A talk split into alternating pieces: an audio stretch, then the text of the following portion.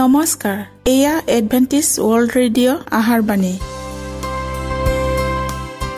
ঊনৈছ মিটাৰ বেণ্ডত পোন্ধৰ হাজাৰ পাঁচশ পঞ্চাছ কিলো হাজত। এডভেণ্টিছ ৱৰ্ল্ড ৰেডিঅ' যোগে অসমীয়া ভাষাত প্ৰচাৰিত আহাৰবাণী প্ৰত্যেক বুধবাৰ আৰু দেওবাৰ সন্ধিয়া সাত বজাত আহাৰবাণী শুনাৰ পিছত আপোনালোকৰ কিবা মন্তব্য আৰু প্ৰশ্ন থাকিলে আমালৈ এই ঠিকনাত লিখক। আমাৰ ঠিকনাটি হৈছে Adventist world radio' seven day Adventist মণ্ডলী অসম শাখা লতাকাটা বশিষ্ট গুৱাহাটী সাত আঠ এক শূন্য দুই ন।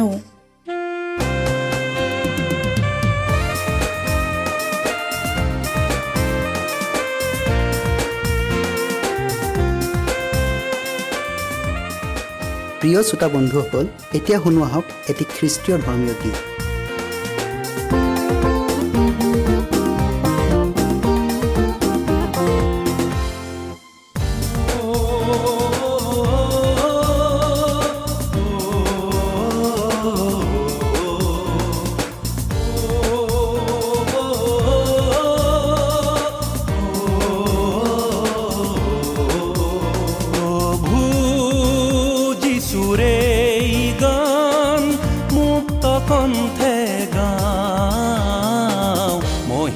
তোমারে মহিমা তোমারে মহিমা তোমারে গাও তোমারে ধরণী খনি সৃষ্টির নানারূপ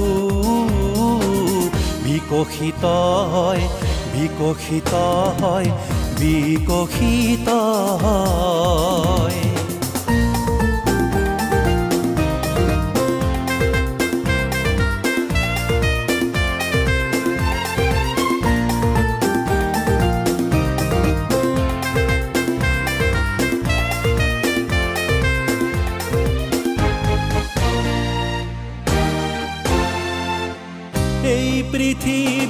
মানৱৰ মনত এই ধৰণীৰ সৃষ্টিৰ মাজত।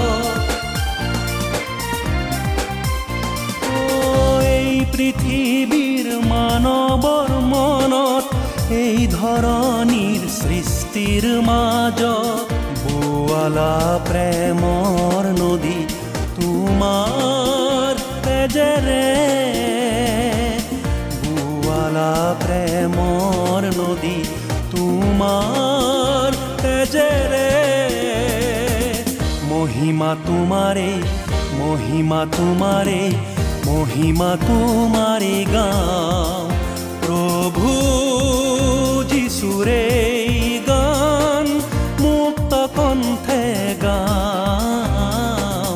মহিমা তোমাৰে মহিমা তোমাৰে মহিমা তোমাৰে গাওঁ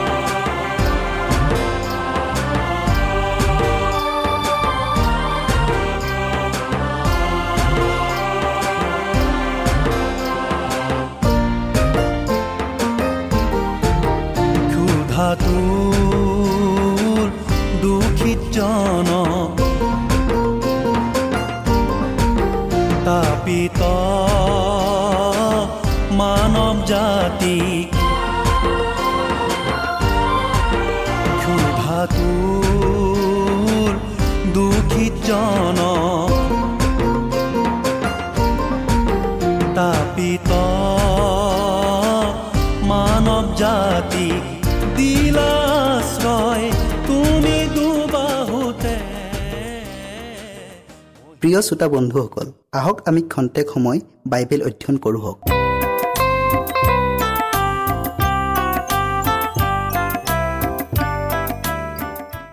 আজিৰ আমাৰ বিষয়টি হ'ল সেই ক্ৰুচৰ বাণী। বাইবেল পত্ৰি লোৱা হৈছে গালাচিয়া ছয় অধ্যায়ৰ চৈধ্য পদ। কিন্তু আমাৰ প্ৰভু যীশু খ্ৰীষ্টৰ ক্ৰুচত বাজে। আন কোনো কথাত শ্লাঘা কৰা মোৰ পৰা দূৰ হওক। সেই ক্ৰুচৰ দ্বাৰাই জগতখনে মোলৈ আৰু মই জগতখনলৈ ক্ৰুচত হত হ'লোঁ। বিষয়টিলৈ আগবঢ়াৰ আগতে আমি প্ৰাৰ্থনা কৰি লওঁ হওক।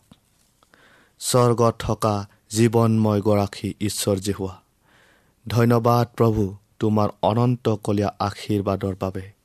প্ৰভু এতিয়া আমি যি বিষয়টিলৈ অধ্যয়ন কৰিবলৈ আগবঢ়াইছোঁ তুমি আমাক সেই বিষয়টিলৈ বুজিবলৈ জ্ঞান আৰু বুদ্ধি দিয়া।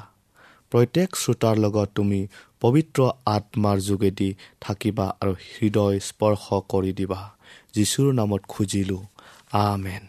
আপোনাক মূল্যেৰে কিনা হ'ল আৰু আপোনাৰ যি সকলো আছে সেইবোৰ ঈশ্বৰৰ গৌৰৱৰ অৰ্থে আৰু আপোনাৰ নিচিনা আন মানুহৰ মংগলৰ অৰ্থে ব্যৱহাৰ হোৱা উচিত। পাপত ধ্বংস হ'বলৈ ধৰা জগতখনক উদ্ধাৰ কৰিবলৈ কৃষ্ট ক্ৰুচত মৃত্যুবৰণ কৰিছিল। এই কাৰ্যত তেওঁ আপোনাৰ সহযোগ কামনা কৰিছে। আপুনি তেওঁৰ সহায়ৰ হাত হ'ব লাগে।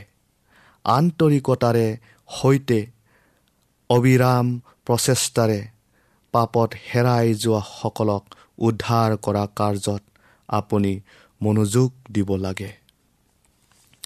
যিজনে নিজকে ঈশ্বৰৰ কাৰ্যত সমৰ্পণ কৰে পৰিৱৰ্তন সাধিব পৰা ঈশ্বৰৰ অনুগ্ৰহৰ শক্তিয়ে সেই ব্যক্তিজনক গলাই এক নতুন ৰূপ প্ৰদান কৰে। তেওঁৰ চাৰিওফালে ধ্বংস হ'বলৈ ধৰা মানুহখিনিৰ নিচিনা তেওঁ আৰু নহয়। তেওঁ এতিয়া উপলব্ধি কৰিব পাৰে যে তেওঁৰ প্ৰতিটো অংগ প্ৰত্যংগবোৰ এতিয়া আৰু নিজৰ নহয়। সেইবোৰ কৃষ্টৰ হ'ল যিজনে তেওঁক পাপৰ দাসত্বৰ পৰা মুক্তি দান দিলে। সেই মুহূৰ্তৰ পৰাই তেওঁ ভৱিষ্যতক ঈশ্বৰৰ একমাত্ৰ পুত্ৰৰ অমূল্য জীৱন তেজে কিনি পেলালে।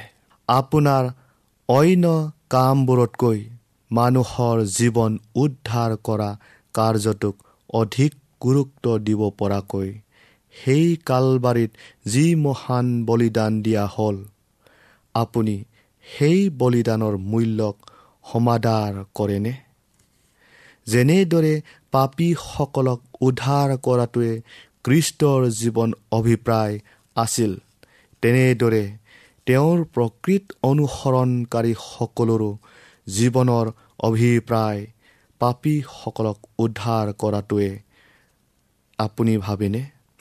প্ৰকৃত খ্ৰীষ্টানৰ নিজৰ বাবে জীয়াই থকাৰ অভিলাষ নাই।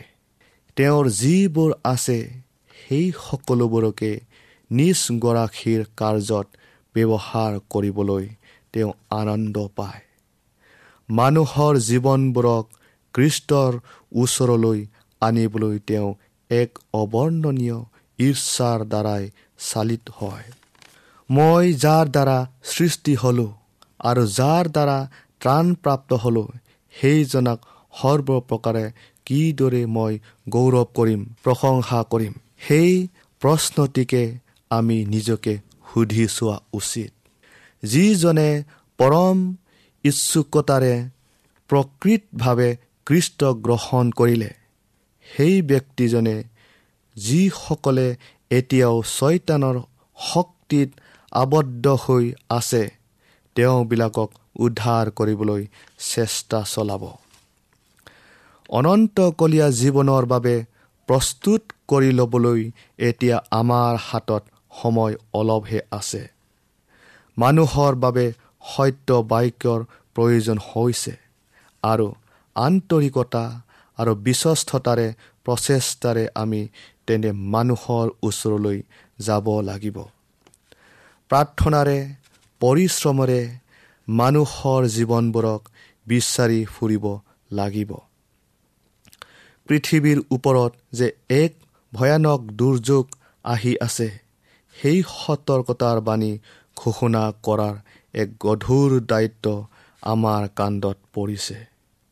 ঈশ্বৰে নিজৰ মণ্ডলীবোৰক আহ্বান কৰিছে যাতে সিহঁত হাৰ পাই উঠে আৰু শক্তিৰ বস্ত্ৰেৰে যেন নিজকে অবৃত্ত কৰি লয়।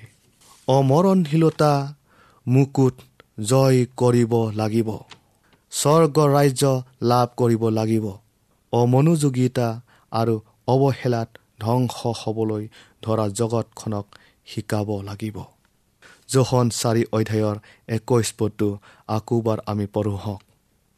যিজনে ঈশ্বৰক প্ৰেম কৰে তেওঁ আপোন ভাইকো প্ৰেম কৰক।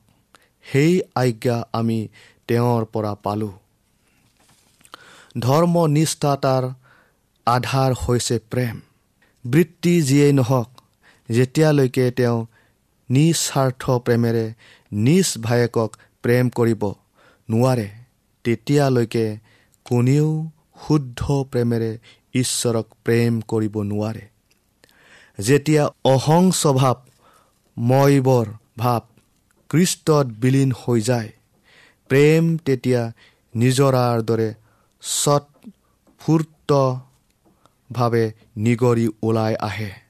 ভিতৰৰ পৰা যেতিয়া আনক সহায় কৰা আৰু আশীৰ্বাদ কৰাৰ অনুভূতি অহৰহভাৱে ওলাই থাকিব যেতিয়া স্বৰ্গৰ পোহৰেৰে হৃদয়খন পৰিপূৰ্ণ হ'ব আৰু এই পোহৰ মুখমণ্ডলত প্ৰকাশিত হ'ব তেতিয়াহে খ্ৰীষ্টান চৰিত্ৰই সম্পূৰ্ণতা পায়।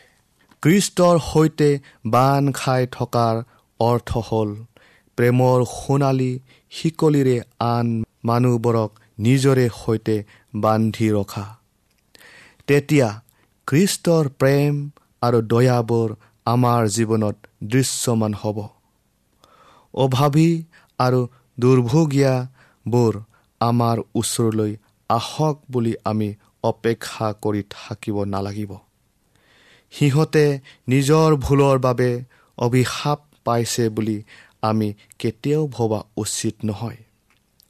কৃষ্টই যেনেকৈ মংগল ভাল কাৰ্যবোৰ কৰি গৈছিল তেনেকৈ আমিও স্বাভাৱিকভাৱে এই মংগল কাৰ্যবোৰ কৰি যোৱা উচিত।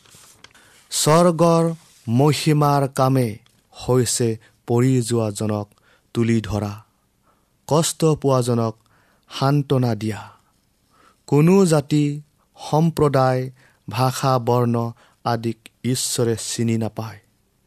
সৃষ্টিত সকলো মানৱ সন্তানে এটা পৰিয়ালৰ অন্তৰ্ভুক্ত আৰু পৰিত্ৰাণৰ কাৰ্যৰ মাজেৰে আমি সকলোৱে এক। আমাৰ মাজত থকা ভেদাভেদৰ প্ৰতিখন প্ৰাচীৰ ভাঙি পেলাবলৈ আৰু ধৰ্মৰ নামত থকা উচ্চ নিচৰ প্ৰতি কোটালি খুলি দিবলৈ খ্ৰীষ্ট আহিছিল যাতে প্ৰতিজন ব্যক্তিয়ে স্বাধীনভাৱে ঈশ্বৰক আৰাধনা কৰিব পাৰে। তেওঁৰ প্ৰেম ইমান বহল ইমান গভীৰ ইমান সম্পূৰ্ণ যে ই প্ৰতিটো কোণে কোণে সোমাই যায়। ছয়তানৰ চাকনৈত বুৰ গৈ তাৰ প্ৰবঞ্চনাৰে প্ৰতাৰিত হোৱা দুৰ্ভগীয়া জীৱনবোৰক এই প্ৰেমে তুলি আনে। আৰু ঈশ্বৰৰ সিংহাসনখনক ঢুকি পোৱা দূৰত্বৰ সিহঁতক ৰাখে। যি সিংহাসনখনক প্ৰতিজ্ঞাৰ ৰামধনুৱে আগুৰি ৰাখিছে।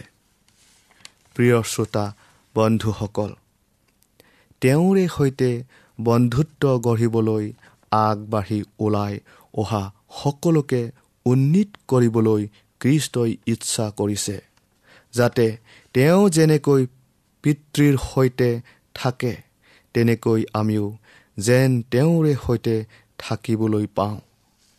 আমাৰ স্বাৰ্থপৰতাৰ স্বভাৱৰ পৰা যাতে ওলাই আহিবলৈ সমৰ্থ হওঁ তাৰ বাবে আমাৰ জীৱনলৈ দুখ কষ্ট আৰু দুৰ্যোগবোৰ আহিবলৈ তেওঁ অনুমতি দিয়ে। তেওঁৰ চৰিত্ৰৰ প্ৰেম কোমলতা নম্ৰতা আৰু দয়া আদি গুণবোৰ আমাৰ চৰিত্ৰত যেন কোপনি পুতি বৃদ্ধি পায় তাক তেওঁ কামনা কৰে।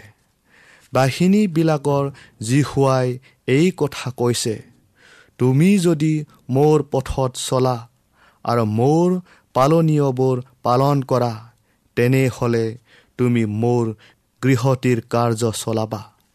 মোৰ চোতালখন ৰাখিবা আৰু থিয় হৈ থকা এইবিলাকৰ মাজত মই তোমাক ওচৰলৈ আহিবৰ অধিকাৰ দিম। স্বৰ্গদূতগণৰ সহিত পৃথিৱীৰ কৰা সিহঁতৰ কামত আমি যোগ দিয়াৰ দ্বাৰাই সিহঁতৰ সৈতে স্বৰ্গটো একেলগে থাকিবলৈ আমি নিজকে প্ৰস্তুত কৰোঁ হওক। ঈশ্বৰে আপোনালোকক আশীৰ্বাদ কৰক।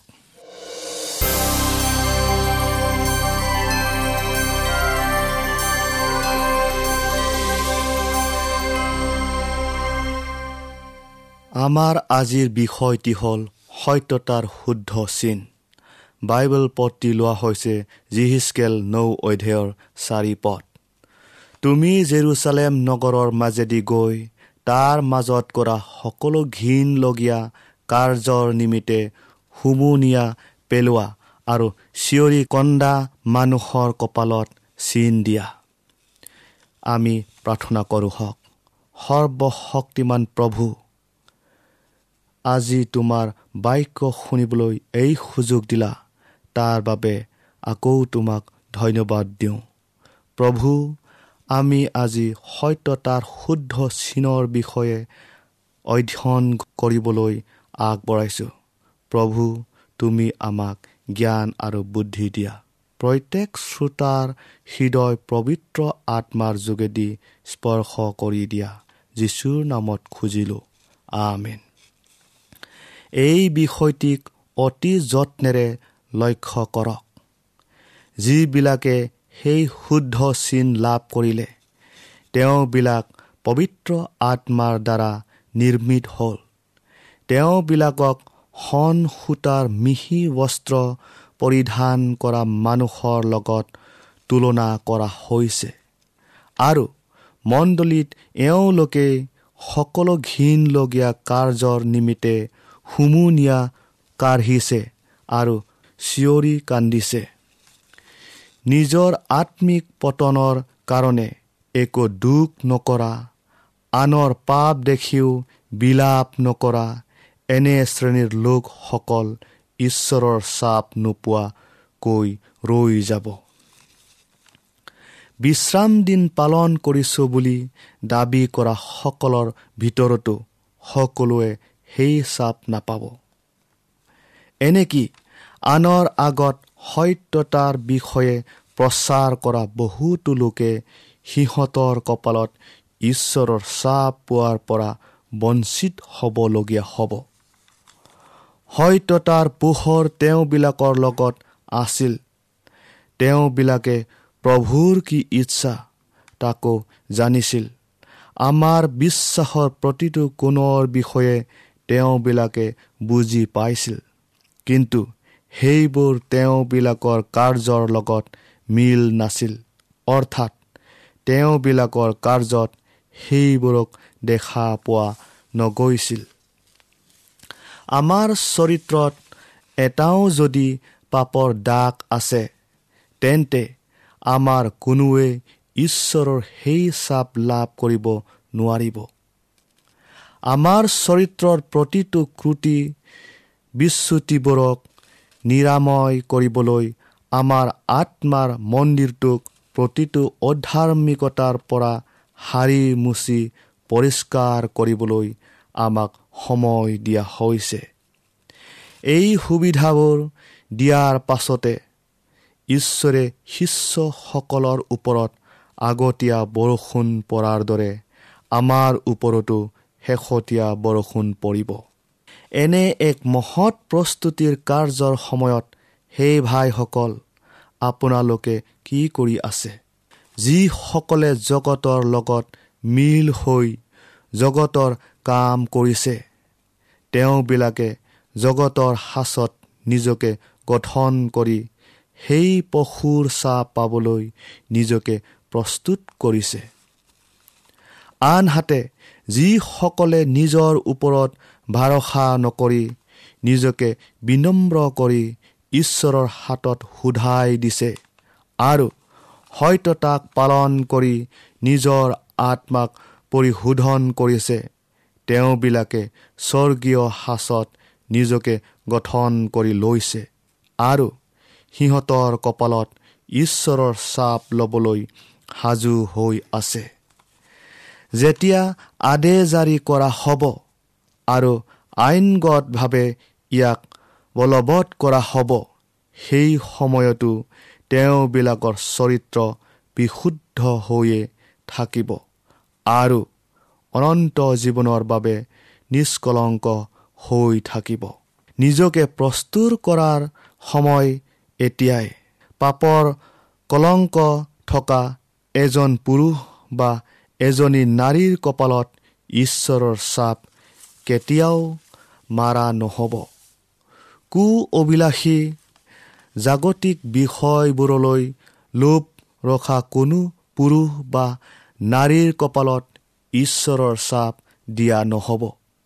মিছা কোৱা জিভা নাইবা প্ৰবঞ্চনাময় হৃদয় থকা কোনো পুৰুষ বা নাৰীৰ কপালত ঈশ্বৰৰ চাপ স্থাপন কৰা নহ'ব। যিসকলে সেই চাপ গ্ৰহণ কৰিব। তেওঁবিলাক সকলোৱে ঈশ্বৰৰ সন্মুখত নিষ্কলংকৰূপে থিয় দিব লাগিব।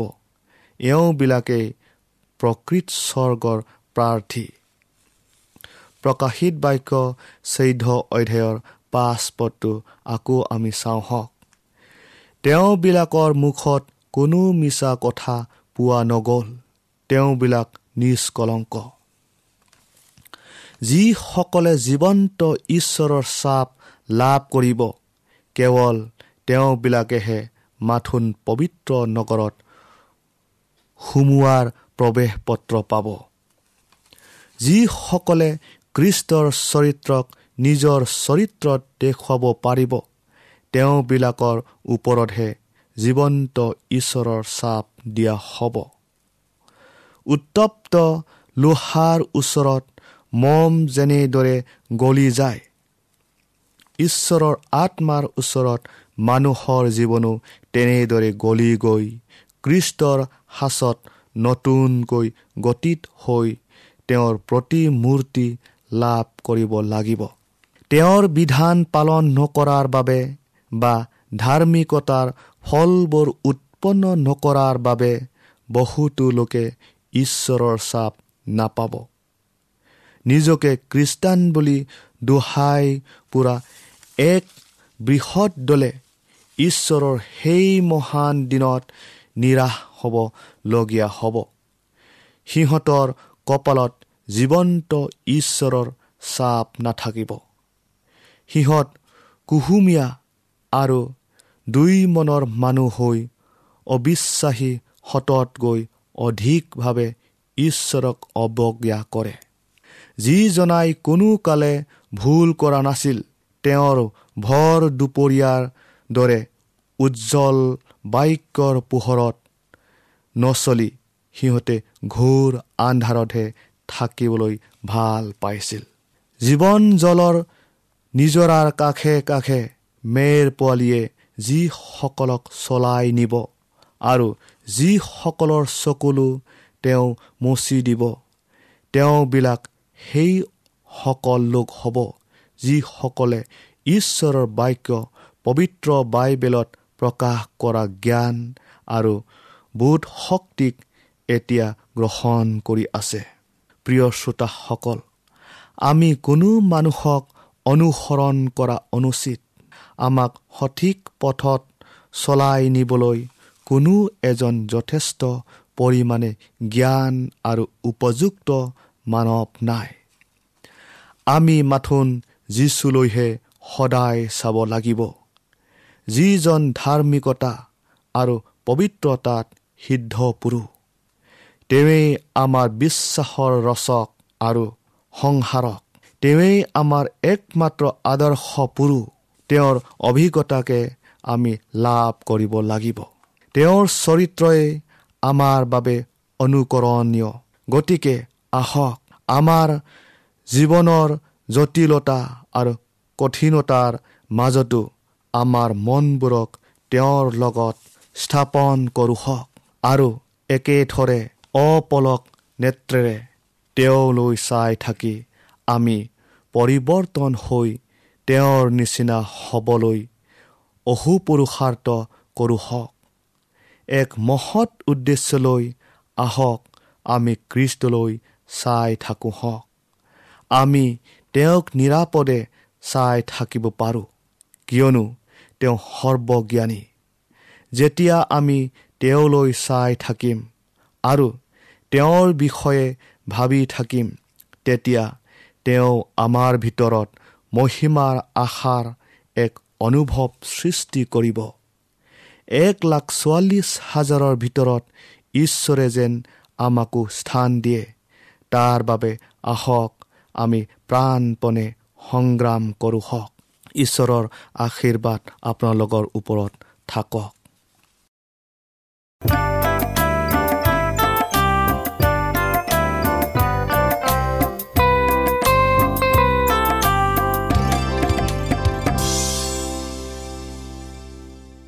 মনত ৰাখিব আমাৰ ঠিকনাটি পুনৰ কৈ দিছোঁ। Adventist world radio' Assam region of seven day Adventist voice of hope Latakata Basistha Guwahati seven eight one zero' two nine প্ৰিয় শ্ৰোতা বন্ধুসকল এডভেণ্টিজ ৱৰ্ল্ড ৰেডিঅ' যোগে আহাৰবাণী প্ৰচাৰত আপোনালোকক পুনৰ লগ পোৱাৰ আহাৰে আজিলৈ সামৰিলোঁ। ধন্যবাদ।